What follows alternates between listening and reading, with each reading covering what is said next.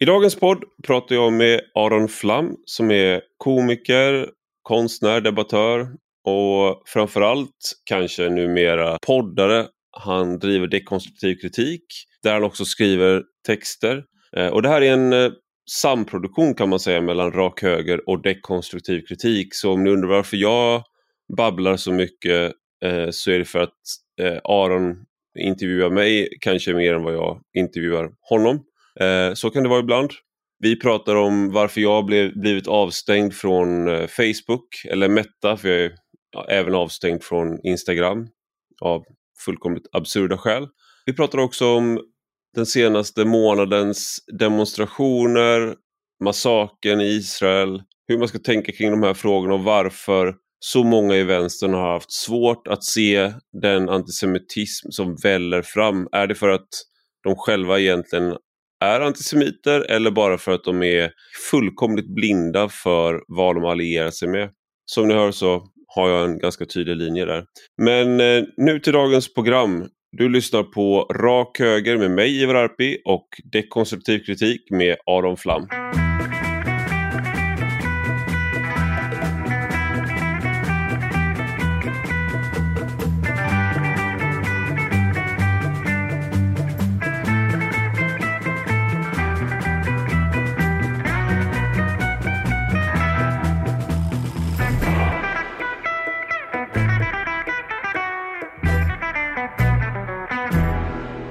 Hjärtligt välkommen till en rak höger av dekonstruktiv kritik. Eller ska vi kalla det dekonstruktiv kritiks rak höger eftersom det här sänds i bådas kanaler, Ivar Arpi. En rak höger som dekonstruerar alla andras kritik, tror jag det är. All right.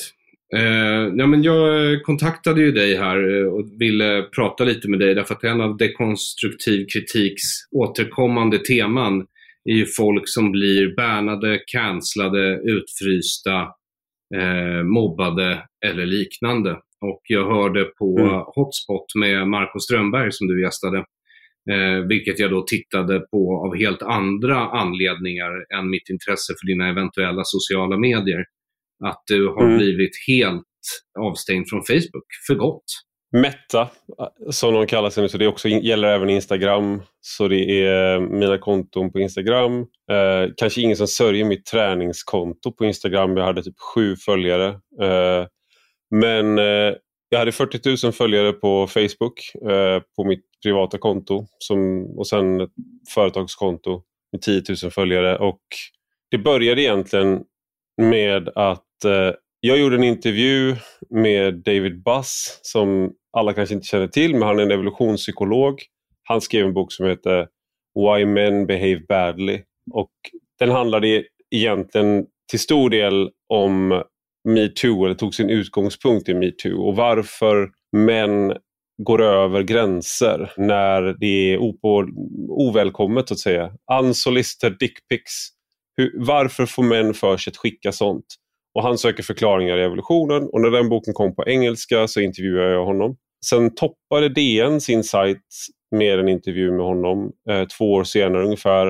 Och, eh, för då hade boken översatts till svenska. Så då tänkte jag att det här är ett bra tillfälle att sprida, som man gör, man tar chansen igen att liksom sprida det man har gjort. Sådär. Mm. Eh, så då skrev jag, ja, jag gjorde en intervju med honom också och så hade jag, delade jag den och då hade jag satt rubriken Män är djur, men alla är inte svin. Mm. Och mhm. det var ju såklart, såklart skämt, skämtsamt men också en ganska korrekt återgivning av eh, liksom vad den boken handlar om eftersom den tar sin utgångspunkt i evolutionära strategier som det manliga djuret har eh, för sin fortplantning. Och då blev jag flaggad, eh, vilket jag förutsatte var en algoritm som gjorde. Och då så tyckte jag att varför blev jag överklagade till Oversight Board och förklarade att det här är vad det handlade om.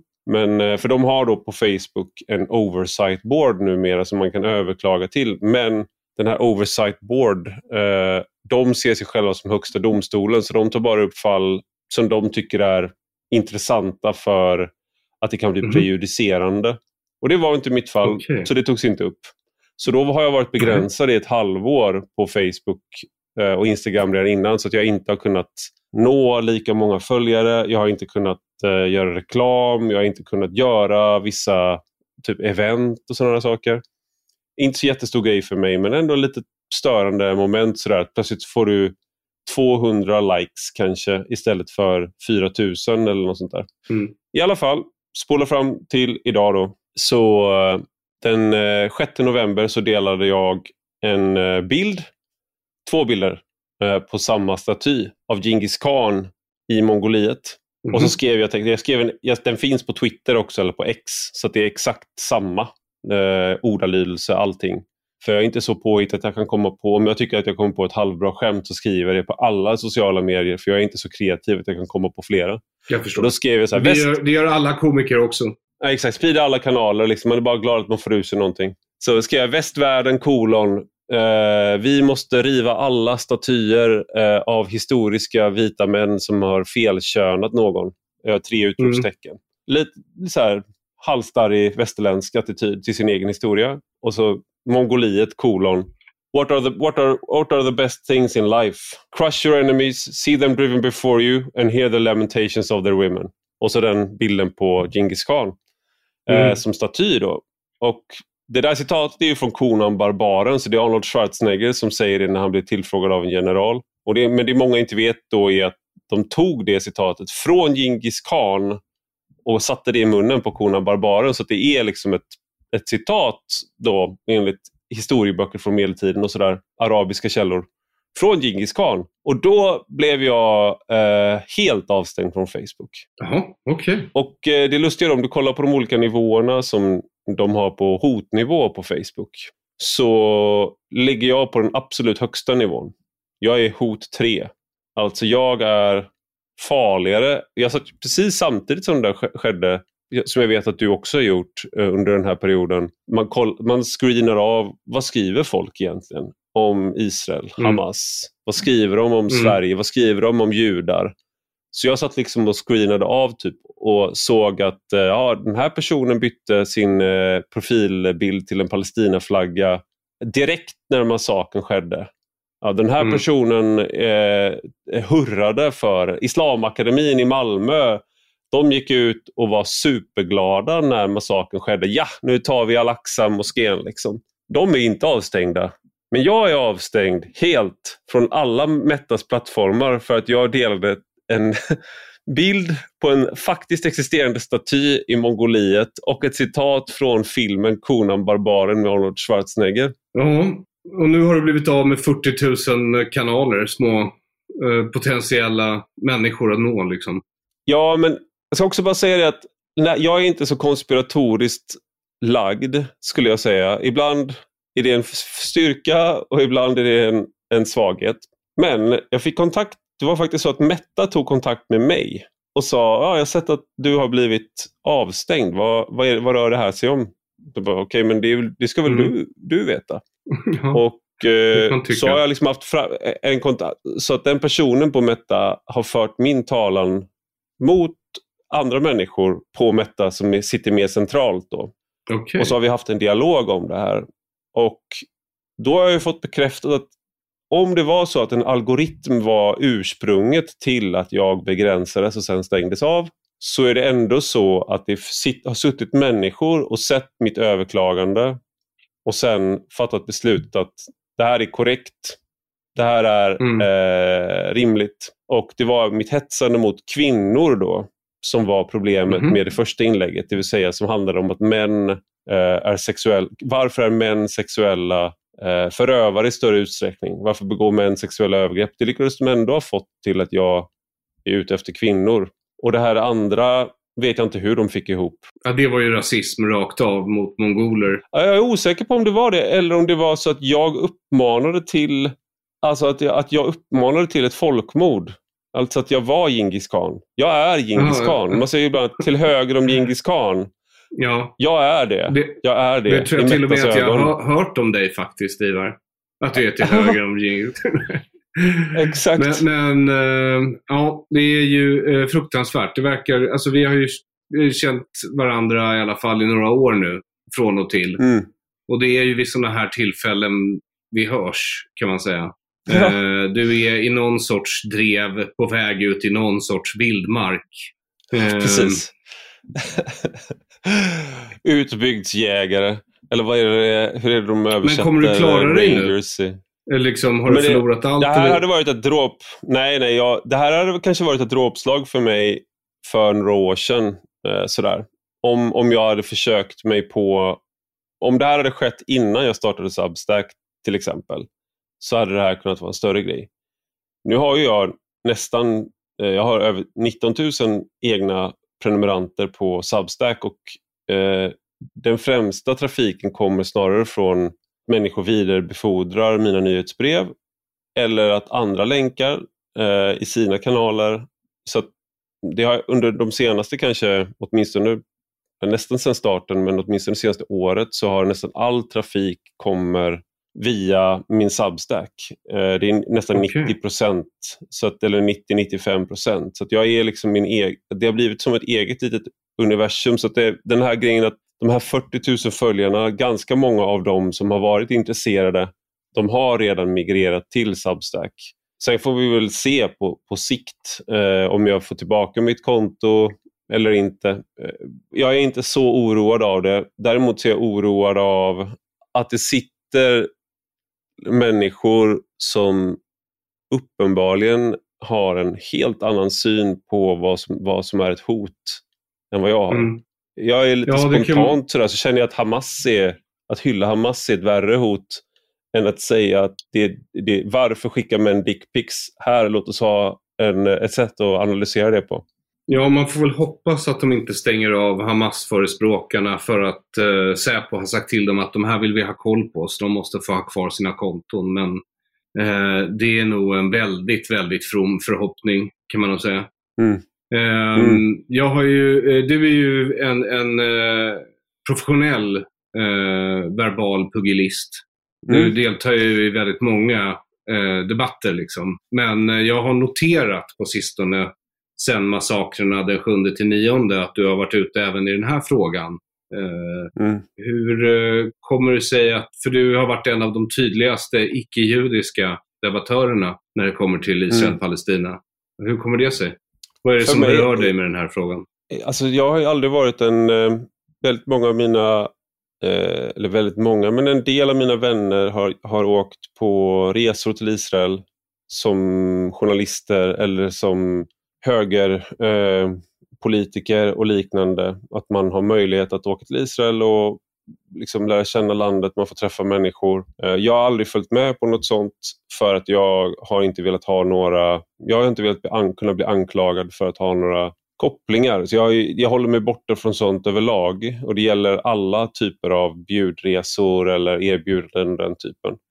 Vilket är tråkigt för att jag har velat åka till både Israel och liksom Västbanken och se, se med egna ögon så att säga. Men jag har också alltid känt att det är så oerhört lätt att sympatisera med Israel och med att alla vill ha ihjäl eh, israeler så fort de får chansen. Så Ja. det, även om jag kanske har hållit en armlängds avstånd till eh, israeliska, alltså försök att, man, man vill ju att människor ska, man vill visa att vi är inte, om ni, om ni tror att vi är de monster som väldigt vanligt att man i Sverige tror att Israel är, så vill man visa att det är vi inte, ungefär. Och eh, det har jag förstått, men jag har velat hålla liksom en, en viss distans av journalistiska skäl. Men när det här skedde den 7 oktober så kände och sen en, en annan sak har varit för mig att den här konflikten, oavsett om du har en, en eh, koppling för att man är eh, judisk eller för att man är eh, palestinier eller liksom en sån koppling. Men det är en, också en sån konflikt där man, precis som Palmemordet, man ser att människor öser in sin energi i och aldrig kommer ut. Så jag har liksom hållit mig lite borta av den anledningen Mm. i vissa avseenden. Jag har skrivit om det. Men de senaste åren har jag känt mer och mer att Israel, vi är mer som Israel idag än någonsin tidigare. Och det har, har att göra med den terror som också drabbar Europa, europeer nu, som Israel har varit drabbad av hela sin historia. Judar har varit drabbade av hela sin, hela sin historia. Så, men långsamt så har vi på något sätt också att, att man på något sätt delar vissa utmaningar och fiender.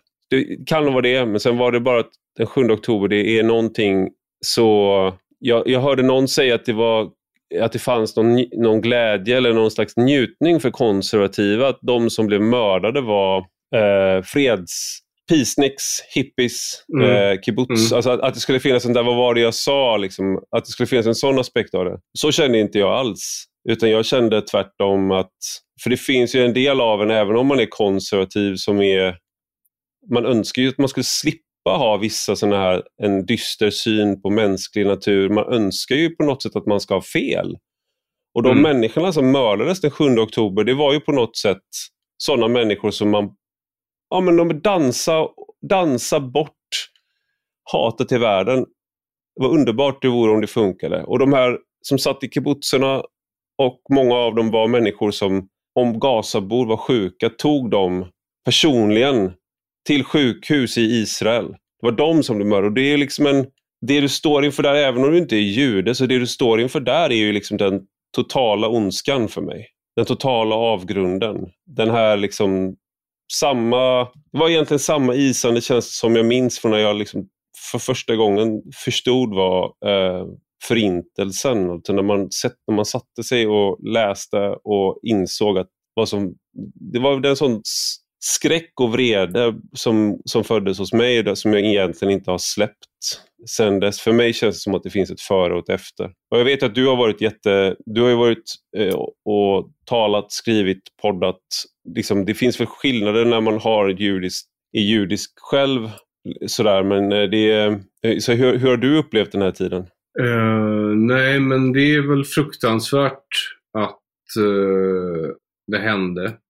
Men att något sånt här skulle hända förr eller senare. När den initiala chocken hade lagt sig för mig över att Israels säkerhetsetablissemang hade misslyckats med att förhindra det. Så är det ändå så här att det var ju aldrig en fråga om om det skulle hända. Det är alltid en fråga om när det kommer att hända. För det kommer att hända. Mm. Alltså det finns ju en grupp människor som har ambitionen att göra just det här och värre om de kan. Mm. Eh, och förr eller senare kommer de ju lyckas göra någonting. Sen var det ju så att ja. de lyckades eh, fruktansvärt väl. Och det eh, var ju också något av en chock faktiskt.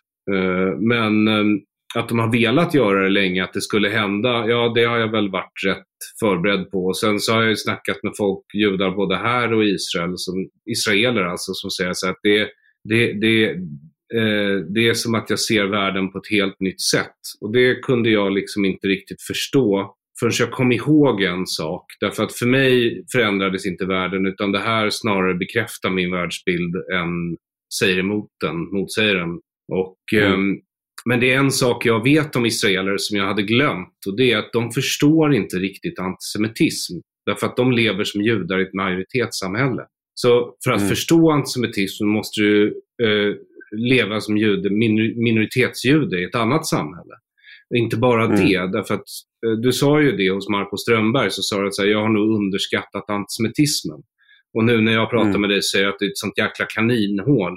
Och du har ju helt mm. rätt. Det är ju därför även judar skyggar för det. Även om du växer mm. upp som en eh, minoritetsjude i, på Nordkalotten här i Sverige, så skyggar de flesta för att konfrontera antisemitismen. Därför att antisemitismen är alltid jättestor. Eh, den, den, är inte alltid framträdande, men den finns alltid där. Och det går liksom inte att vinna mot den. Det, det går aldrig, den mm. försvinner mm. aldrig. Eh, men du får inte förlora. För då händer eh, sådana saker som eh, hände i Israel 7 till 9. Så eh, ja, det är väl ungefär jag, jag så tror att jag, har underskattat det. det. Jag har underskattat det som en, eh, både ja och nej. Jag sa att jag, för jag har ju också skrivit om Malmö, man har skrivit om eh, judiska vänner som slutat bära sina Davidsstjärnor. Jag, liksom, jag har skrivit den typen av texter i ett antal år. Men an, anledningen till att jag säger att jag ändå underskattat det är ju för att jag kan inte tänka... Jag, jag, jag trodde att svaret ändå skulle vara mer avsky och eh, avståndstagande till Hamas än vad fallet har varit. Så det, det är liksom, jag har inte underskattat antisemitism som det finns stora grupper som kan ha det, men jag tänkte att fast de här personerna, eller ja, men i alla fall när ni ser det här så måste ni ju... Eh, man har hört folk som säger liksom att eh, såna här fraser, men man har tänkt att det är liksom det är inte, de är inte så starkt motiverade i sin antisemitism. Att det är någonting som, men sen då att man avsaknaden av reaktioner och sen den här liksom, krossa sionismen, from the river to the sea, Palestine will be free. Alla de här, att man bara så här oreflekterat säger de här sakerna och, eh, och all antisemitism i svenska Facebookgrupper. Eh, det, jag tror omfattningen är, är chockerande eh, för mig ändå. Det, och det, det, jag, jag vet inte mm, om det är liksom och, och, att det är så utbrett i... För att man, det är också det här att man, även om man har pratat om att det är andra grupper som står för antisemitismen idag än på tyska 30-talet, så har jag nog ändå kanske, jag kanske ändå någonstans, även om jag har varit en av de som har sagt att vi måste, vi måste uppdatera vår mentala karta av hur det ser ut, så kanske jag ändå någonstans har gått på snacket om att det ändå är eh, nynazister som är... Alltså jag vet inte, för att ja, jag har svårt att liksom, eh, förlika mig med att det är så, om de inte själva är regelrätta antisemiter så har de i alla fall inga problem med att stå bredvid antisemiter i demonstrationer. Eh, de, de är ändå en enhetsfront.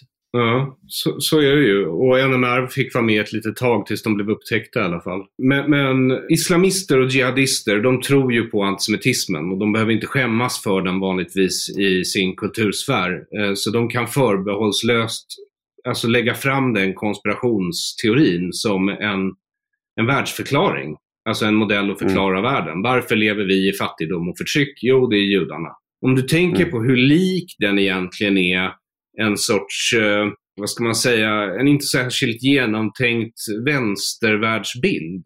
Att mm. eh, vi lever i fattigdom och förtryck därför att borgarna. Och vad, mm. vad är det borgarna har då eh, som, som eh, du saknar? Jo, det är makt och pengar. Jaha, mm. och för islamisten, vad är det judarna har då som du saknar? Jo, det är makt och pengar. Så mm. de här berättelserna, de är ju till förvillelse lika varandra. Det var ju någon, eh, jag tror det var någon socialist som kanske sa vid något tillfälle att eh, eh antisemitism är dumbommarnas socialism. Och då öppnar de ju mm. sig för den motsatta anklagelsen, nämligen att ja, men i så fall är socialism de intellektuellas antisemitism. Ja. Det finns en sorts sanning i det, liksom. inte, en, inte en mm. logisk mm. sanning, men en mytologisk sanning. Där, därför mm. att deras myter är så... Det, alltså, socialismen, eh, så som de flesta av dess anhängare tror jag tror på den, de som kanske inte har djupstuderat Marx och läst allt han har skrivit under hela sitt liv, Eh, de har väl liksom en rätt, för, eh, rätt enkel bild av världen som är hyfsat konspiratorisk. Det pågår en evig kamp mellan de förtryckta arbetar, i arbetarklassen och eh, de som sitter på kapitalet. Mm. Och kapitalet, att, ja, det är ju judarna ja. för en antisemit. Så det är ju enkelt att det blöder de här koncepten blöder över i varandra. Liksom. Jag tycker den judiska konspirationen är Eh, en kritik som man som antisemit eh, borde ha är ju att judarna är otroligt okoordinerade i sin konspiration. Mm. Man kan inte ens komma överens om man ska vara vänster eller höger. Man kan inte komma överens Nej. om man ska liksom kritisera konservativa eller om man ska se konservativa som sina vänner. Eh, man kan inte komma överens om Israel, man kan inte komma överens om någonting. Det är, alltså, det är historiens sämsta världskonspiration, verkligen. Ja, ingen beklagar det, krävs, det här mer än jag, Ivar. Det, krä, det krävs verkligen judar för att eh, liksom, först tar man över hela världen och det första man gör när man tagit över hela världen det är att man bråkar sinsemellan. Jävligt ja. dåligt skött.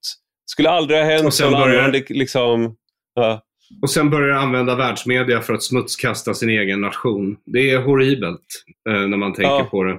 Precis, man kan ju bli, man, jag vet inte om man är, liksom, är det nästa nivå av antisemitism? Det är liksom att man är antisemit i att man tycker att eh, judarna är dåliga eh, på att styra världen. Alltså att det, de styr världen men de gör ett jävligt dåligt jobb. Jag tror att det är egentligen antisemiternas anklagelse mot oss, att vi gör ett dåligt jobb. Eh, jag skulle vilja träffa en antisemit som verkligen trodde att judarna styrde världen och att de gjorde ett bra jobb och att de är helt okej. Okay. Jag tycker faktiskt att det här verkar vara det bästa alternativet. Eh, det är ja. judarna liksom. Eh, vi vill inte att maorierna tar över. Just det. Um, Vad är alternativet egentligen killar? Vad är alternativet? Vilken annan grupp skulle vi vilja styra världen? Är det inte bättre att vi har det som vi, liksom, vi vet vad vi får i alla fall?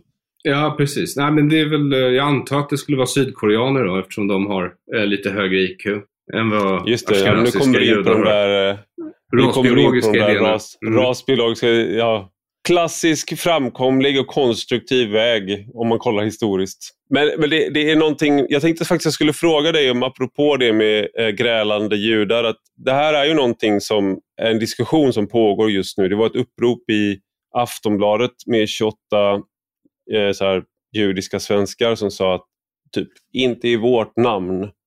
Mm. Vi är också kritiska till Israel.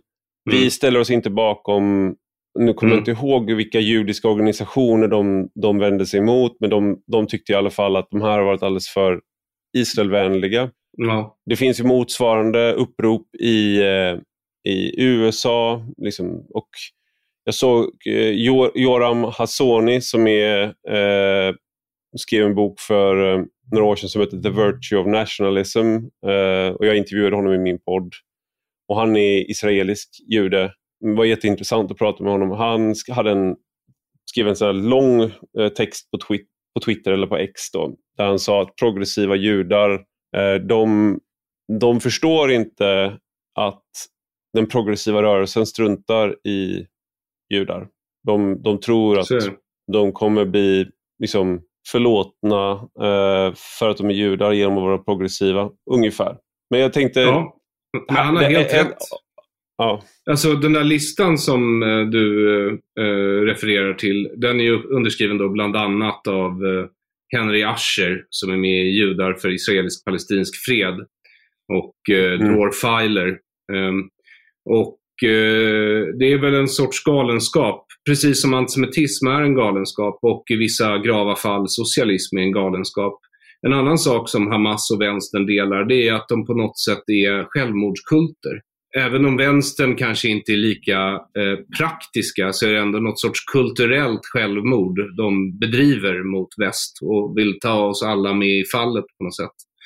Eh, jag beskriver ju till exempel Henry Asher, och det gjorde jag även innan den 7-9 oktober i år, eller Dror Filer som i bästa fall nyttiga idioter, i värsta fall eh, illvilliga medlöpare till människor mm. som faktiskt vill döda deras eget folk. Eh, och mm. by extension dem. Kanske är det så att de tror att de kommer bli skonade, men det kommer de inte att bli i ja. det här fallet. Så, om man ska säga någonting positivt om det så skulle jag ändå säga att det här är någonting som är...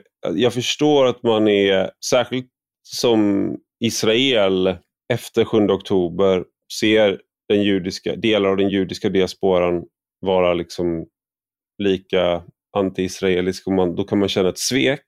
Det har jag förstått från en mm. del israeliska röster, har reagerat så. Mm. Jag mm. följer eh, en podd med Jonathan Friedland som han har. Då. Han är en diaspora, judisk liksom, britt. Nu glömmer jag av vad hans, eh, med, hans partner i podden heter. Den heter i alla fall Unholy. Two Jews on the News heter den, Unholy.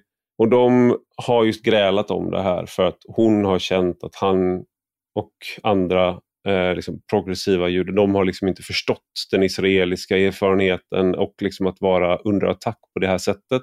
Eh, och Han tycker att ni måste förstå att det, det är värre för er, men det är också så här, det händer saker för oss ungefär. Mm. Men om jag ska säga en sak, en sak som är liksom intressant här, det är att det finns även i Israel, även bland liksom, judiska röster, det finns en mångfald av röster man, som grälar ja. om de här sakerna. Och ibland Absolut. blir man väldigt arg på dem, och även inom familjer. Nu ska jag inte nämna, men inom en väldigt, ska man säga, Benjamin Katzev Silberstein som är en eh, person som jag sörjer som att han har flyttat till Israel, även om jag såklart är glad för hans skull. Eh, vi var eh, kollegor på SVDs ledarsida och sådär. jätteklok röst, men även bara, liksom, inom den familjen finns det väldigt starka åsiktsskillnader om de här sakerna. Mm. Men kollar du på den andra sidan, finns ingen mångfald av röster där. Nej. Det, finns inte. inga, finns, inga, finns inga upprop, 28 palestinska aktivister eller liknande som säger att vi står inte bakom det här. Vi tycker att det är viktigt att vi... Det finns inte. Nej. För det de lever inte i fria demokratiska samhällen. Fria Även de här, samhällen. men även de som är här. De som är här Även de här. Även Nej. västerländska palestinier, muslimer, araber.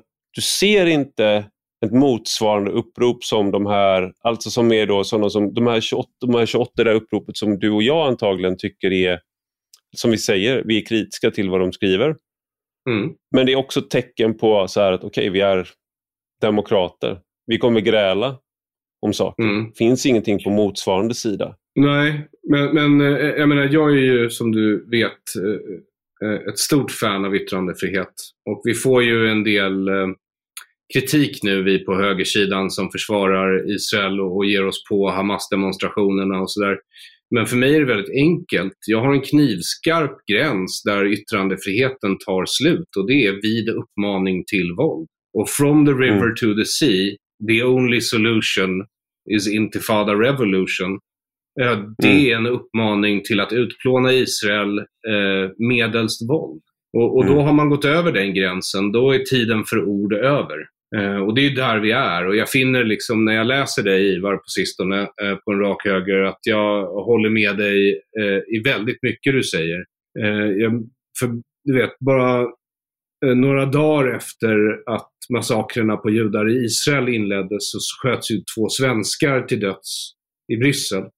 För att de var svenskar, de hade liksom landslagströjor på sig, de var målet. För en islamist. Mm. Eh, och ett kort ögonblick när nyheten nådde mig så tänkte jag, nu kanske svenskarna kommer förstå hur det känns. Men sen så kom jag ihåg att jag är ju svensk, vi har ju haft terror förut i det här landet. Och det ledde till noll och inga reaktioner. Eh, så det är väl det jag menar när jag säger att så socialismen är någon sorts självmordskult. För många av de här eh, eh, västkritiska idéerna som driver de här folkmassorna av etniska europeer ut på gatorna att demonstrera för en terrorrörelse. Det är ju sånt de har lärt sig på våra universitet av västerländska vänsterfilosofer som har en syn på Mm. västerlandet som är eh, inkorrekt eftersom den är enbart är negativt kritisk och inte tar med någon av de positiva saker som västerlandet har bidragit med. De har ägnat sig åt dekonstruktiv kritik. Ja, precis. Det, var, det är därifrån jag fick namnet faktiskt. Och jag antar att du liksom jag Eh, alltså det skulle ju vara en ordvits från början att jag liksom bedrev dekonstruktiv kritik mot dekonstruktion. Eh, jag tyckte Ja. det var lite roligt och det anspelade på konstruktiv kritik och sådär. Men, men eh, Ja. det, det har bara missförståtts och så har det varit svårt för folk att stava till det och uttala det och säga det. Eh, även mig. Eh, så eh, så det, var, det var ett misstag. Men eh, det fyllde väl Det sitt dock- syfte ett jag, tag i jag alla fall. försöker, när- När jag försöker förklara vad rak höger betyder när jag har internationella gäster. Eh, jag brukar göra det efter att jag intervjuat dem, eh, oftast. Eh, men eh, då, då förstår de att det anspelar på våld. Och då Ja. blir det ju plötsligt liksom eh, ja, men det blir så här, hmm, are, you, are you controversial in Sweden or something? nej, nej, nej, nej. Sådär. Men, eh, men det, det är någonting med den här, det är ju det som är eh, det lustiga här, är ju att det här är, det är så logiskt alltihop. För att, jag menar, jag skulle kunna, jag skulle kunna vara Palestinavän i sömnen. Och liksom Ja. när folk så här är, eh, när folk är ute och så här, gay, eh, gays for Palestine och sånt där, så är det ju liksom, jag fattar precis hur, det, hur de får världsbilden att gå ihop. För jag har pluggat exakt de där grejerna. Jag har ägnat så mycket tid åt de här teorierna. Och, och det är liksom, du ser världen uppdelad i de som har makt, de som Mm. tillhör västvärlden, vita, och då har man räknat in Israel till det, till liksom en så här, Ja, den yttersta utsträckningen av imperialismen, amerikanska världsordningen. Och då behöver du egentligen inte veta mer. Alla som gör uppror mot dem, mot den ordningen, som gör uppror mot de grupperna, är eh, goda. Sen kanske du inte håller med ja. om varje detalj. Det kanske inte är helt hundra att eh, skära ut bebisar ur magen på gravida kvinnor. Men man måste ju se till kontexten. Och kontexten, det är, det är judar, det är vita, det är västerlänningar och det är, den, det är det systemet som måste nedmonteras och då är varje motståndshandling är välkommen. Ja, och nu står vi här. Jag antar att du har sett den här Pew Research eh, artikeln som kom ut för några år sedan. Jag tror det var 2015 de gjorde den senast. Eh, där de mäter om hur lång tid eh, olika europeiska nationer kommer vara islamiserade. Och mm. Sverige, om vi fortsätter ha en väldigt hög invandring och anhöriginvandring och sådär, då är det 2050 så kommer vi vara en av de mest muslimska länderna i Europa. Vi kommer att ha en muslimsk befolkning på 30,2 procent. Det var 2017 de gjorde den här, ska jag bara säga. Så det var faktiskt, de, hade, de hade räknat in eh, 2015s eh, migrationsvåg också i den här beräkningen. Ja, då är du bekant med den. Ja, och det här är en sån där fråga där jag tänker att den som är, även när man är islamkritisk, som man är kritisk till vissa delar av islam och trossatser inom islam, så har man samtidigt en förhoppning som är, alltså man när en liten halal-hippie vid sitt bröst, i alla fall gör jag det, att man hoppas att man har fel. Uh, man mm. hoppas att den här, det man ser av islam som man inte uppskattar, till exempel hur central eh, tanken om jihad är. När du får mm. använda våld, hur mycket våld du får använda och mot vilka du får använda våld. Och att tolkningen av jihad som är mainstream sedan flera hundra år är att du ska och du bör använda våld mot otrogna när islam uppfattas hotat på olika sätt. Till exempel en koranbränning och liknande en ockupation som man uppfattar då till exempel, även om man kan diskutera vad som är en ockupation. Allt det där hoppas man ju när någon svarar en och säger det där, så där behöver det inte vara utan det finns andra tolkningar. Så är det en del av en då, den lilla halalhippen inom en som tänker Gud, jag hoppas att den jag debatterar mot just nu har rätt och att jag har fel. Att, att, mm. att de här sakerna som, som är helt uppenbart eh, stämmer om de stora tolkningarna av islam Eh, de dominerande tolkningarna av islam, att det är fel. Och så känner man ju också människor som är muslimer som inte stämmer in på eh, de här de sämsta delarna av islam. Bra människor, moraliska människor som absolut inte är, det är inte de som kommer så att säga ta på sig ett självmord, liksom bombbälte och spränga sig själva. Verkligen inte. De skulle hindra en sån person. Och de, de muslimerna finns för övrigt i Israel också om vi nu ska vara sådana. Det är liksom en, människor som är som, som skyddat, eh, skyddade eh, judiska israeler under, de här, eh, under den 7 oktober. Det finns fler exempel på det. Så det här är, det finns en konflikt inom islam. Men den dominerande stråken inom islam är otroligt problematiska om du vill bo i en civilisation som, som vi skulle erkänna som en civilisation. Som vi skulle kunna känna igen en kontinuitet från det vi är idag. Då om, du, om du lägger ihop det, den starka tron och den väckelsen som går genom den muslimska världen åt, åt fel håll med de här självutplånande vänsteridéerna som vi ser då liksom i de här demonstrationstågen bland annat. Då har du en häxbrygd som är eh, otroligt destruktiv. Och, vad ska man säga? Det, det är den, den tanken som är i alla fall, jag känner så här att varför skulle vår generation vara den första generationen där du inte behövde dö för dina politiska ideal? Varför skulle vår generation vara den första generationen där du inte behövde, när saker och ting inte behövde betyda något, när politik bara var som en, eh, ett fritidsintresse, när det inte var någonting du behövde eh, blöda för. Jag menar, jag, jag, inte, jag tillhör inte någon självmordskult, men jag är det absolut så att det finns, men jag är absolut, jag, jag är, det här är liksom min, min, min, del av, min del av världen som jag, saker jag tror på Eh, för mina barn och för människors, liksom, för vår framtid så tycker jag att det här är så viktiga saker att det här är liksom lika, mycket an, lika angeläget för mig, lika motiverande för mig som det är för dem som står på andra sidan. Det är kanske bara att man väljer olika metoder så att säga. Ja, eh, jag börjar ju fundera eh, som nybliven far på vad man ska ta sig till. Lite. Eh, idag så var jag på Sveb TV, vilket jag smsade dig om. Och de intervjuade mig och då fick jag frågan så här, äh, jag vet inte var de har hört det, men eh, om jag trodde att Israel nu kommer sparka ut 2 till 2,5 miljoner Gazabor till Europa och Europa kommer bli tvunget att ta hand om de här människorna. Eh, och då sa jag väl först och främst att eh, det tror jag inte. Det är inte någonting jag har hört eh, och det är inget jag hoppas. För vi har egna problem här nämligen som mm. jag inte är helt säker på om vi kommer kunna lösa, i alla fall inte i Sveriges fall.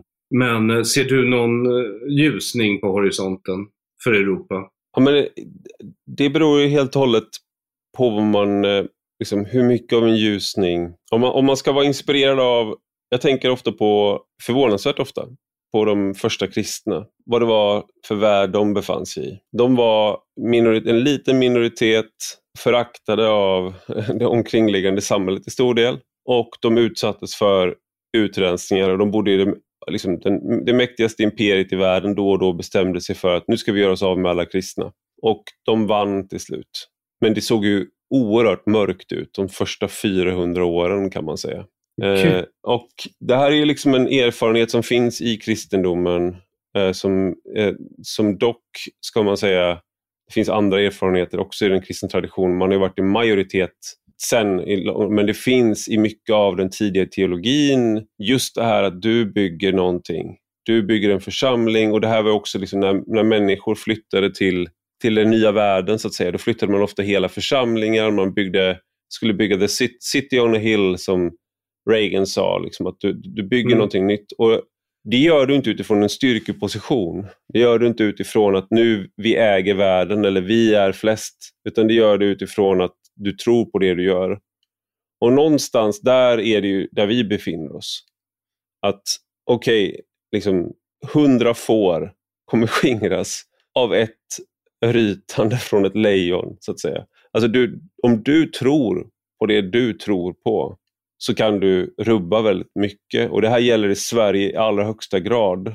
Ibland är det så enkelt som att människor inte vet när de får, göra, när de får säga stopp. När de får säga det är nog. Och Jag tror inte att sånt där ändras så särskilt snabbt. Men är det någonting som, eh, som jag tar med mig från, eh, det här är även en judisk erfarenhet. Jag, när jag intervjuade Jonathan Friedland i min podd, han har skrivit en bok som heter The Man Who Escaped Auschwitz. Mm. Eh, som handlar om Rudolf Verba. Och han var en person, han var en av fem, tror jag det var, fem judar som lyckades fly från Auschwitz. Många, de andra som flydde från Auschwitz var politiska fångar och krigsfångar de, som inte hölls under samma säkerhetsarrangemang. Han var en av de judar som lyckades fly. Han lyckades varna Eh, de ungerska judarna som var på väg till Auschwitz och man tror att han räddade 200 000.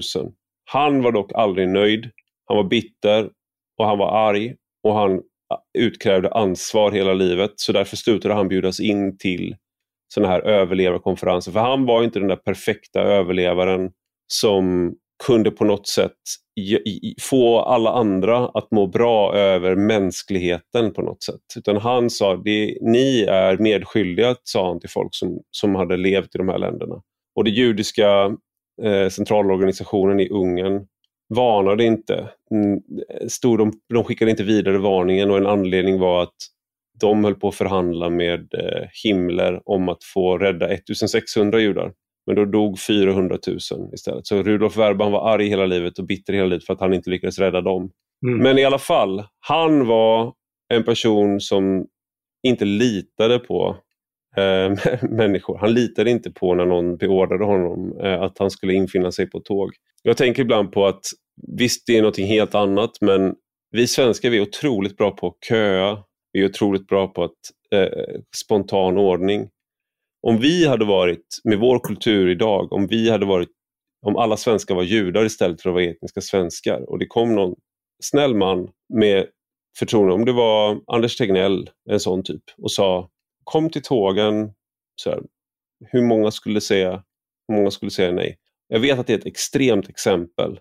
Ja. Men jag upplever väldigt starkt att den får-naturen som jag själv har inbankad i mig, det är en kamp att kämpa mot den. Och jag tror att det gäller väldigt många svenskar just nu att fatta att timmen är ganska sen när det gäller att både att, organ, liksom att organisera ett motstånd mot saker du inte gillar, om det så handlar om din arbetsplats, om det handlar om dina barns skola, om det handlar om ditt närsamhälle, om det handlar om att utkräva ansvar av dina kommunal, kommunala politiker. Var inte rädd för att vara obekväm, var inte rädd för en obehaglig stämning. Allt det, alla de där sakerna som har funkat väldigt bra när, när du är ett väldigt homogent samhälle, det funkar inte längre. Och det, det är väldigt hög tid att tänka mer som en, en person som är lite paranoid när det gäller vissa saker. Lita inte så jävla mycket på makten. Lita inte så mycket på eh, att alla sköter sig. Utkräv ansvar och organisera er. Hmm. Du har tänkt igenom det här. 400 år är ändå en väldigt lång tidshorisont, Ivar. Du måste börja bygga din, liksom, varje kyrka, om du kollar på nästan varenda gammal kyrka, den första grunden innan man bygger ut. Du lägger de första stenarna. Det är där vi är idag. Alla andra kulturer runt om i världen, de söker sig tillbaka till sina rötter just nu. Du har I Kina, då ska man läsa om Marx. I, I den muslimska världen, då vänder man sig till Koranen, man ska bli mer muslimsk. Du har det liksom om, om och om igen i olika kulturer, man ska hitta tillbaka till sina rötter. Den enda, de enda ställena där man inte ska göra det, det är här. Här ska vi istället, apropå dekonstruktiv kritik, här ska vi istället dekonstruera vårt arv. Apropå varför jag mm. blev avstängd från Facebook. Det var ju ett skämt på, den, på det, liksom, att vi ska ta bort våra statyer. Vi ska montera ja. ner vår historia. Och jag är den första att säga att det är bra med självkritik. Du måste kunna ställa dig utanför dig själv. Men vi har nått vägs ände. Vi kan se det på gator idag efter den 7 oktober. Det är hit vägen leder. Vägen leder till att du tycker att du, du skyler över den största massaken på judar sedan förintelsen på grund av din sjuka perversa eh, ideologi, ditt perversa självhat. Och det, är mm. liksom, det är på grund av den här kritiken också för övrigt som jag har blivit kallad anti, antisemit tidigare, eh, vilket jag känner är, är lite orättvist. Eh, jag känner mig inte som en antisemit och jag tror inte att judar ligger bakom eh, de här teorierna, till skillnad från att nazister säger det. Men det finns, det finns en, eh, någonting sjukt i, i hur vi har hanterat vår historia de senaste hundra åren ungefär. Och vi måste börja bygga någonting, någonting nytt. Ja, eh, därför att eh, som sagt när kineserna går tillbaks till Marx så tror jag att de kommer bli gruvligen besvikna. Marx är det som har utarmat den kinesiska kulturen. Rivit ner snarare mm. än byggt upp. Men jag såg också att du hade skrivit eh, en kort sak om Mikael Yüksel. Mm. Det var en av de artiklarna. Ja, precis. Och vi, vi kan man ju säga nämnde honom tidigare för en av de här filmerna som vi citerade River to the Sea av hade han tankat upp på Twitter, tror jag. Såg du den? Mm. Nej, vad var det? Nej, men det, det, det, där, men det är en av de tydligaste. Liksom. Det, det, är en folkmassa. SVT uppskattade den till 1500 pers. Eh, på min, mitt öga från de, filmer, de här drönarfilmerna är att det var ungefär 3000 pers, skulle jag säga. Därför mm. Folkmassan gick alltså från Operan över hela Norrbro till slottet och ner för backen där mot kajen. Mm. Eh, och så står det en kvinna där och ropar, eh, du vet, uh, from the river to the sea, Palestine will be free. Free, free, free, mm. free Palestine. Och sen, there is only one solution. Och eh, jag har ju inte tänkt sådär jättemycket på Juxel fram tills på senare tid. För han har ju skrivit en del om att han vill, tidigare alltså innan 7-9 oktober, vill att Hamas avklassificeras som terrorrörelse. Mm, han vill att vi ska inleda, blir... vi ska slänga ut den israeliska ambassadören och mm. eh, inleda förhandlingar med Hamas. Precis, exakt. Och eh, den där typen av människor som har de här åsikterna, för han står ju där och filmar stolt när folk sjunger att vi vill utplåna Israel och vi vill mm. eh, tillgripa våld för att göra det. Och Sådana människor har ju vi överallt nu. Jag menar Expressen avslöjade ju att det är massa gamla ISIS-krigare som nu jobbar med dagisbarn. Vilket eh, jag antar skulle kunna vara terapeutiskt för ISIS-krigarna men kanske inte så jättebra för barnen. Nej, men det här är ju en sån där... Jag fick ju mothugg när jag delade det där och sa att det här känns inte toppen. Och då fick jag mothugg just att men det, är väl jätte, det är väl jättebra att de kan återintegreras i samhället och bli, eh, liksom, bli nyttiga samhällsmedborgare. Skulle du vilja att de var sysslolösa istället? Och nej, jag skulle önska att de aldrig kom tillbaka igen. Och det, här, ja. det, här, det är väl det här som är någon slags gräns där jag tycker att vi är jag avundas till självförtroendet som vissa har med att vårt system gör att människor börjar älska oss och att vi älskar varandra. Och mm. Många människor gör inte det. Vi är ett rikt samhälle och det är någonting som många älskar. Alltså att det finns mycket mm. av saker. Men det innebär inte att de har någon man behöver inte nödvändigtvis ha någon lojalitet eller glädje eller kärlek till människorna i det samhället. Och, och, det gäller ju helt uppenbart många människor som till exempel Mikael Yüksel som han baktalar ju Sverige i turkiska medier, arabiska medier och liksom undergräver Sveriges möjlighet att gå med i NATO. Han är öppet fientlig till, till Sverige och till eh, svenskar och till allting som vi värderar i Sverige, förutom då att hans antisemitism. Han blev ju utesluten ur Centerpartiet för, att, för hans kopplingar till Grå vargarna. Han kommer från en familj som är, har varit väldigt högt uppsatt i MHP som är då det, det höger, alltså hardcore högerfascistiskt parti i Turkiet och det är liksom, de är till höger om. De pressar Erdogan från höger brukar man säga. Det är hans bakgrund. Ja, så det, det, var, det, det hade jag inte lyckats luska reda på. Det jag stötte på var att han tydligen är handläggare på Försäkringskassan här i Sverige till vardags. Mm. Det här är ju då en, eh, en sån här, det finns en sån eh, en dubbelhet när man eh, älskar Sverige. Hörde du vad jag sa nu eller? Att han är, försäkring, han är handläggare på Försäkringskassan. Ja, ah, okej, okej. Ja. ja, bilden frös. Jag ville bara... Ja. Han, om man älskar Sverige så finns det så här dubbel känsla där för att det finns saker med hur sven, svenskar ser på sig själva som är... Det får en tänka på den här en indisk guru som blir intervjuad om demokrati och så säger han Democracy means rule by the people, for the people, of the people. But the people mm. are retarded. Så känner jag lite ibland med Sverige. Mm. att vi, har, vi tror att en eh, liksom att vi ligger i topp för transparency index och corruption index och allt sånt där. Det innebär att vi inte kan, vi, inte, vi har ingen korruption. Och sen så ser mm. man så här, ah, nu kom det en, eh, om man går igenom hur det faktiskt ser ut med en lite annan definition, då ligger vi ganska dåligt till. Det vill säga vi har otillbörlig, påverk otillbörlig påverkan, myndigheter som är rädda för att göra vissa saker. Man är rädd för att utöva myndighet, sin myndighetsutövning mot vissa grupper, man blir hotad och kriminella.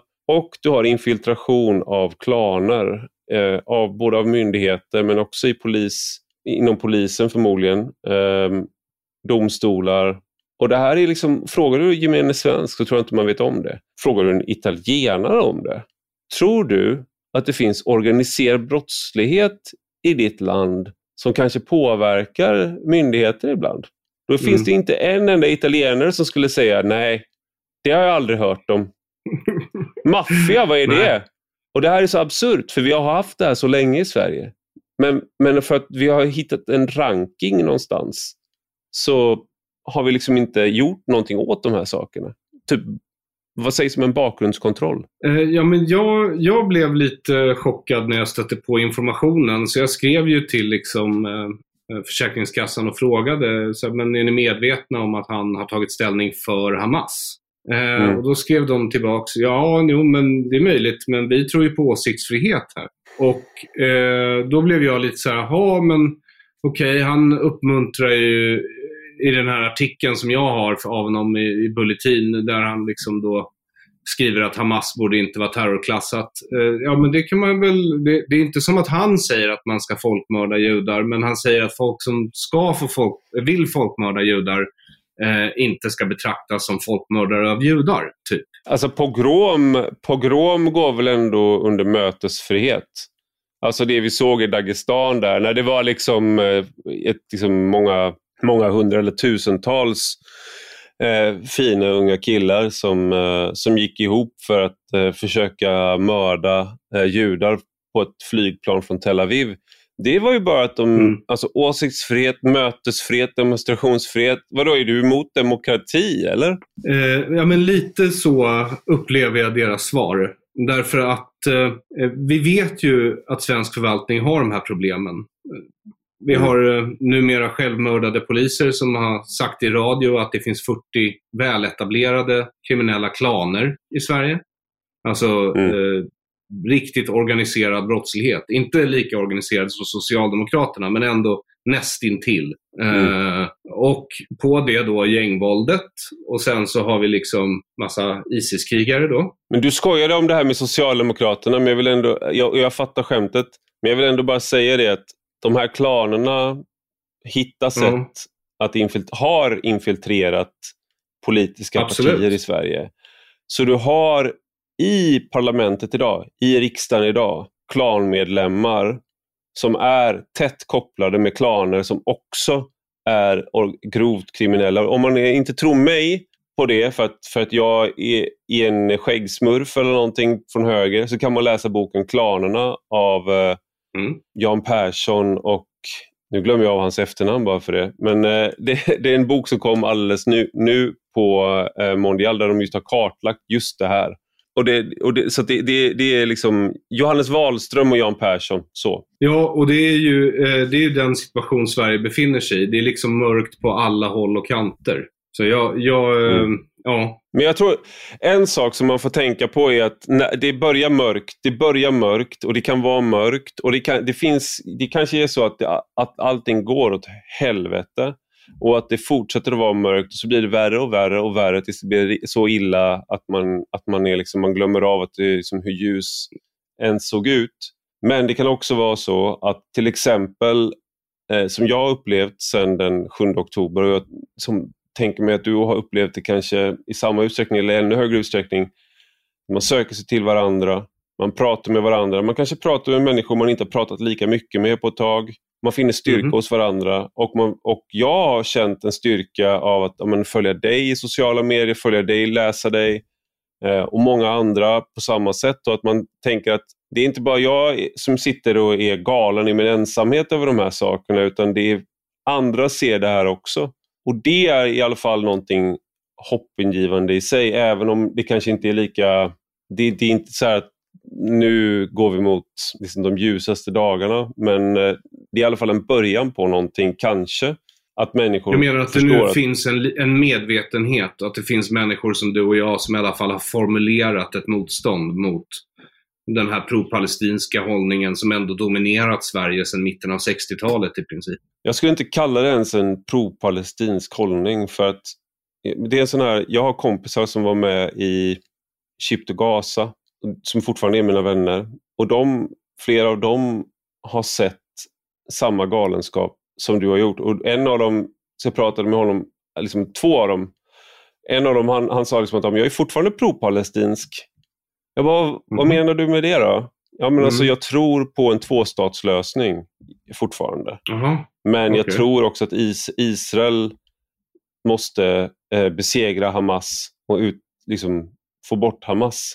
Och då sa liksom, försök att gå ut i en, det som vi kallar en pro-palestinsk demonstration och säga det. Se hur det ja. tas emot. Eh, mm. sådär. Men då, liksom, så det vi ser idag, jag skulle ändå säga att det är snävare än pro-palestinskt. Eller som en annan, en annan bekant som han är, liksom, han, han är från Irland. Så för honom har liksom, han har tyckt att IRA är bra. Och, mm. eh, så han har liksom basker, palestinier, irländare, vi alla liksom, typ, mm. vi kämpar för samma sak. Så hans reaktion efter 7 oktober var så okej, okay, det som hände på 90-talet med IRA var ju att de började, det dog oskyldiga i terrordåd. Och då sa liksom det irländska folket att det, liksom, enough of this. Liksom, nu vi vill inte mm. ha er längre. Vi vill inte ha den här skiten längre. Och det folkliga stödet rasade och de eh, förhandlade, liksom, la, la, ner vapnen. Så han trodde liksom att ah, nu sker något liknande. Och sen den här euforin och den här glädjen som han såg då. Och han skulle också säga att han är, han säger också att han fortfarande på något sätt är pro-palestinsk. Men han har liksom är desillusionerad på en sån nivå att jag tror inte att det vi kallar för en pro-palestinsk, de som är ute på gatorna idag skulle inte välkomna honom med hans åsikter. I alla fall kanske om han inte sa något. Men så fort han skulle hamna i en diskussion skulle han ju bli utslängd ur demonstrationen. Han skulle bli utslängd, inte Hamas. Men det här är ju väldigt intressant, för de här människorna måste ha gjort eh, något av en mental resa från före den 7 oktober till idag. Ja, det, och det, det är just den här att det finns det är väl det som är det hoppfulla någonstans, försöker jag se, även om jag är då, jag är, har en tendens till att bli väldigt nattsvart. eh, i mina observationer. Men jag tror att det är någonting hoppfullt i att jag har sett inom vänstern också, och jag räknar de här två, de är båda vänster. Flera andra som är vänster som har varit hackat på mig. Jag har skojat med en judisk kompis som har varit väldigt Israelkritisk, att han är en självhatande jude. Vi har haft en sån där liksom banter om de där grejerna. Och nu så även han har, liksom, han är fortfarande vänster, jättevänster. Men han blev otroligt sårad av att hans vänstervänner, ingen frågade, ingen fördömde det som hände så gott som, det var liksom ingen som frågade honom någonting. Och sen den, de reagerade först med den här påstådda sjukhusattacken av Israel. Och han kände bara okej, okay, jag hade ändå trott, de har ändå pratat om 30-talet det här ganska mycket. Mm. Men den som hörde av sig var, var ju, var ju den, var kryptonazisten Ivar Arpi som är min kompis. Det var han som hörde av sig. Liksom. Liksom, och det fick honom att tänka om och jag tror att det här är någonting som många i vänstern har tänkt om, även, inte många men i alla fall finns man inser att det finns någonting som är civilisation. Det finns någon, saker du bara inte gör. Det finns saker som är bortom det acceptabla. Det finns en israelisk journalist som är baserad i Stockholm som heter David Stavro. Jag vet inte om du har träffat honom någon gång. Han skriver Nej. för Haaretz mest, men han är mm. frilansare. Och jag läste honom i någon annan tidning. Jag minns inte om den hette Ein Davar eller något som betyder typ Ain't No Thing på, på hebreiska. Kanske var så den hette. Mm. Men då mm. hade han skrivit som ett öppet brev till en eh, folkmordsforskare från Myanmar som han har haft kontakt med angående mm. rohingyas. Eh, och det är, ett väldigt, det är väldigt långt och väldigt gripande brev som jag skickade till några av mina eh, judiska vänsterkompisar i USA bland annat. Som inte heller är vana vid antisemitism. Det här är liksom första gången de ser det en masse om man bor i Kalifornien på det här sättet. Liksom. Men han, eh, han är boende i Stockholm i alla fall, den här David Stavro. Han skriver det här långa öppna brevet. Och, och han, han kan inte förstå hur, att han trodde ju liksom att han och den här forskaren var helt överens. Att det finns vissa saker, oavsett var man står i en konflikt, så finns det vissa saker ingen av parterna får göra. Förstår du mm. vad jag menar? Att även om du är pro-palestinsk så är det så att vissa gränser så får, får, får den egna sidan inte överträda därför att då förlorar vi vår mänsklighet. Liksom. Eh, ja. Men den här forskaren eh, hade inte fördömt Hamas, inte tagit avstånd, tyckte det var helt legitima mål så eh, herr Stavro då vaknar ju upp då till att det han har trott var hans allierade, den internationella vänstern, att de hade samma mål. De var liksom goda människor. Men, eh, för det blir ju ett väldigt bryskt uppvaknande. Och, det, och det, var inte, det, det, är inte den enda artikeln jag har läst av vänsterisraeler sedan den sjunde på det här temat. Utan det är ju några stycken vid det här laget. Att de har liksom inte förstått riktigt hur illa ställt det är med den europeiska och amerikanska vänstern. Men det är ju väldigt, väldigt illa, skulle jag säga. Du och ja. jag, vi har ju engagerat oss i, i hur många eh, av alltså de här teorierna som är vänsterideologi egentligen, det är ju det, det, det på något sätt undervisas i som om det vore akademiska discipliner. Och vi har ju mm. utbildat liksom massor av människor i de här vansinniga eh, idéerna. För det är ju vansinne att säga att det inte finns eh, några kön eller att det finns 82 kön. Det finns i alla fall inte bara två kön. Sådana saker, Nej. det är ju liksom vansinne. Alltså, det, är, det är en form av vansinne. När du tror att mm. judarna styr världen, det är också en form av vansinne. För om de inte har märkt det så är det ingen som styr världen. Det är lite därför den ser ut så här. Ehm, tror jag. Ja, det finns folk det... som försöker. Det får man ge dem. Men... Ja, men det är väldigt svårt att lyckas. Ja, för att, ja. Ja, men det, är, det är intressant för att jag tror att den israeliska vänstern, även om jag tillhör den, den svenska högern, eh, så känner man på något sätt att det, är, det måste vara så bittert för att man, är, att man har förlorat väldigt mycket liksom i vad gäller inflytande de senaste decennierna i Israel, särskilt de två senaste. Och då har man väl mm. kanske tänkt att man i alla fall har den internationella vänstern. Liksom, när, i sitt, och man har demonstrerat mot Netanyahu, man är kritisk till Liksom, och jag, jag, tycker att det finns legitim kritik i, liksom, eftersom det finns saker med israelisk politik som man som ut, utomstående har svårt att förstå och man kan vara kritisk till.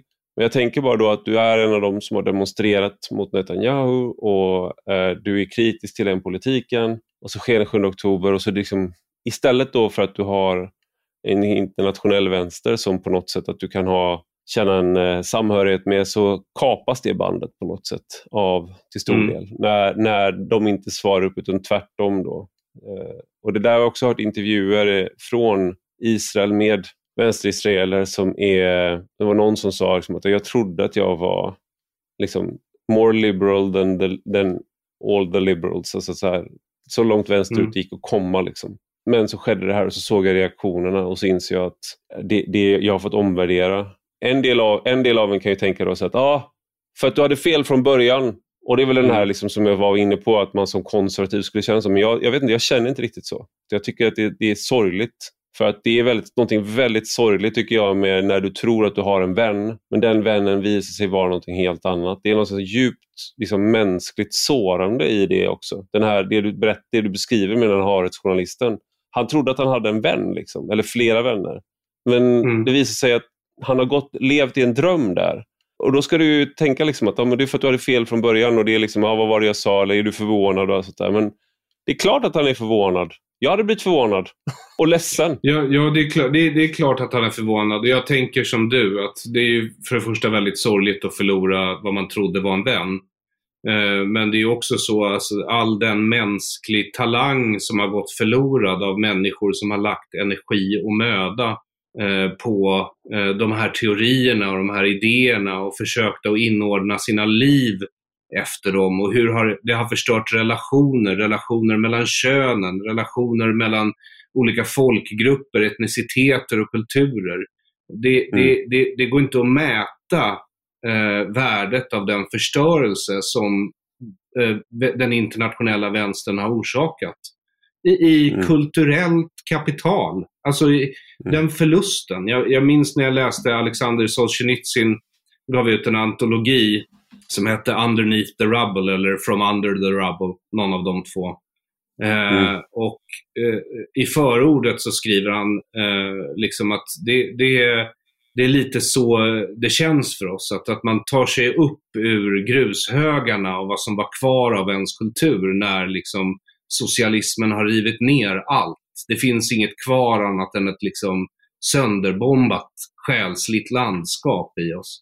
Och, mm. och, och, så får man liksom rota igenom ruinerna för att se om, om någonting är intakt eller om du kan hitta fragment av det som fanns där förut.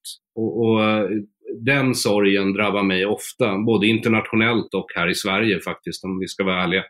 Eh, att, mm. Därför att eh, i, i, perioder av mitt liv så har jag i alla fall arbetat på ett sätt som gör att jag får gräva igenom svenska arkiv och läsa gamla texter. Och, och, jag är ju av åsikten att innan public service så var det mycket högre i tak eh, eh mm. eh, i Sverige. Och eh, ett spretigare men mer levande utbud.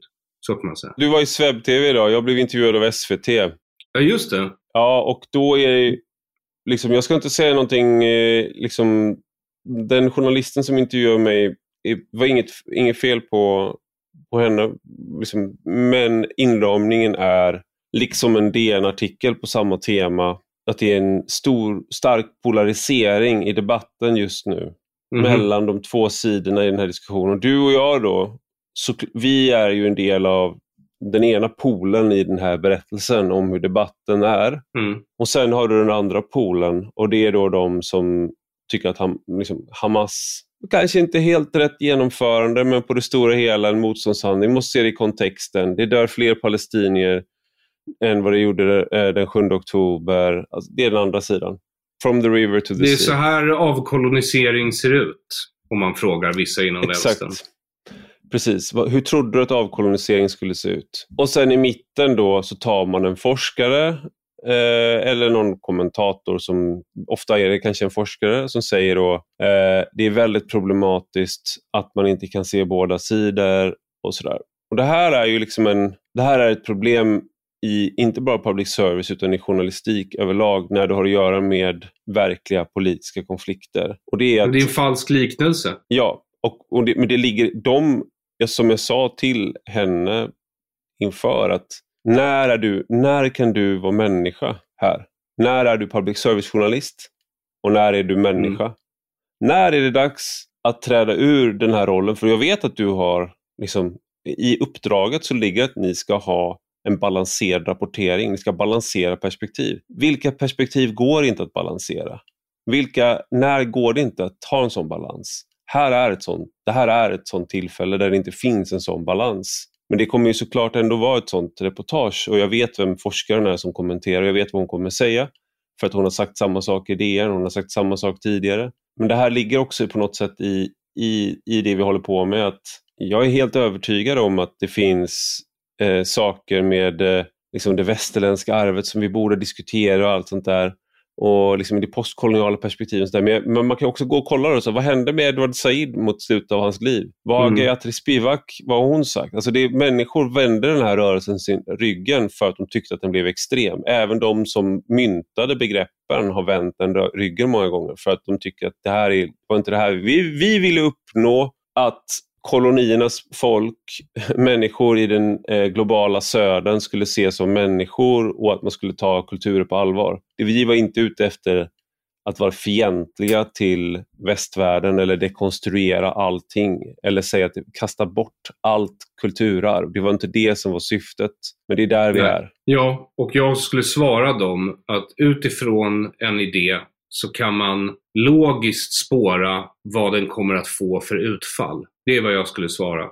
Och om du har mm. en väldigt dålig idé som du inte har tänkt igenom och så försöker du applicera den på verkligheten, då kommer utfallet att bli därefter. Och jag menar att om man tittar på olika uttryck för socialismen och deras källtexter så kan man se att den här idén kommer att misslyckas. Den har missförstått människan grundligt, missförstått ekonomi grundligt, missförstått historia grundligt och det kan inte bli annat än eh, bajs när man tillämpar det här. Därför att det går inte ihop med verkligheten. Eh, och vi människor, vi styrs väldigt mycket av sagor och berättelser. Men de bästa sagorna, eh, de lyckas ju fånga en sanning från vår gemensamma verklighet. De går att applicera. Mm.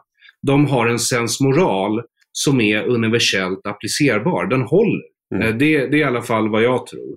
Och eh, vissa idéer de misslyckas igen och igen och igen därför att de är inte sanna. De äger inte den här sanningen som gör att de går att applicera framgångsrikt i världen.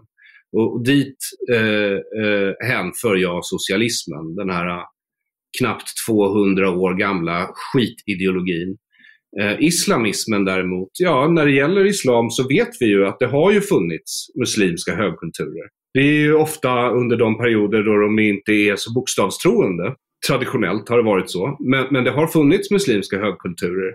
Så det kanske är så att det finns någonting i islam ändå. Förstår du vad jag menar? Men socialismen har faktiskt inte lyckats producera något annat än lidande och död. Och jag förväntar mig inte att den kommer göra det framöver heller. Jag skulle ändå säga att det finns saker med socialismen eh, som är allmänmänskliga. Men när man har tagit Eh, du har plockat ut saker ur till exempel den kristna traditionen eller den judiska traditionen eller den muslimska traditionen och så har du tagit bort andra delar och så har du bara behållit det kollektivistiska.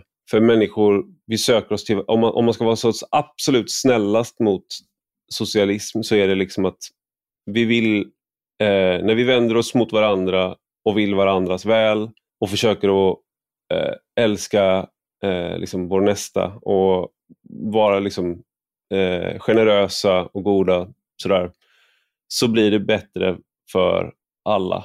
Men det du tar med socialismen det är att du tar bort frivilligheten, du tar bort det, det är liksom det här klassiska med att du, du, du försöker låsa in någonting som måste vara fritt valt och mm. planera fram det, eh, kommendera fram det om man ska vara liksom maximalt snäll så ska man i alla fall säga att det finns någonting i den där berättelsen som också finns i de stora religiösa berättelserna. Det är bara att i de stora religiösa berättelserna så finns, äh, finns en sannare berättelse för där inkorporerar man eh, fler delar av den mänskliga naturen och, ja, och, och, och, vad det innebär att vara människa.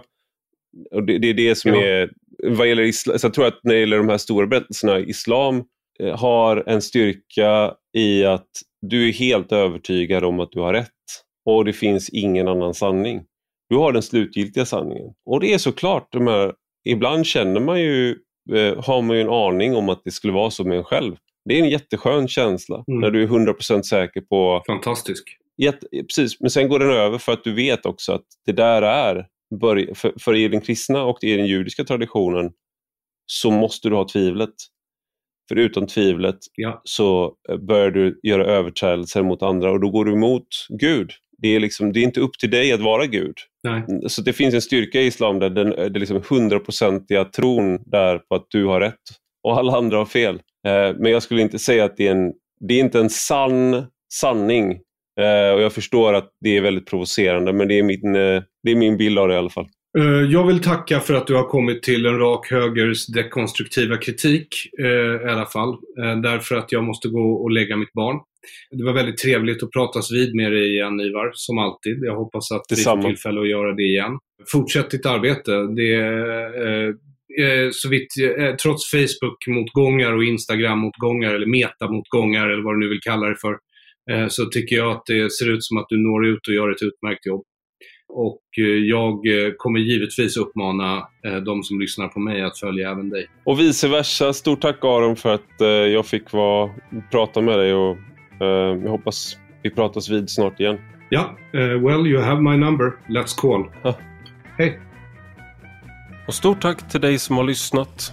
Gå gärna in och skriv en recension på Apple Podcasts eller i den app där du lyssnar på podden. Och detta är alltså en del av en större publikation på Substack med samma namn som podden. Och den som prenumererar där kan även ta del av de texter jag skriver. Gillar man det man läser och hör får man gärna bli betalande prenumerant för 5 euro i månaden eller 50 om året. Då får man ta del av lite exklusivt extra material också. Du hittar rubbet på ivararpi.se. Och har du några frågor eller synpunkter kan du alltid mejla mig på ivararpi Vi hörs igen.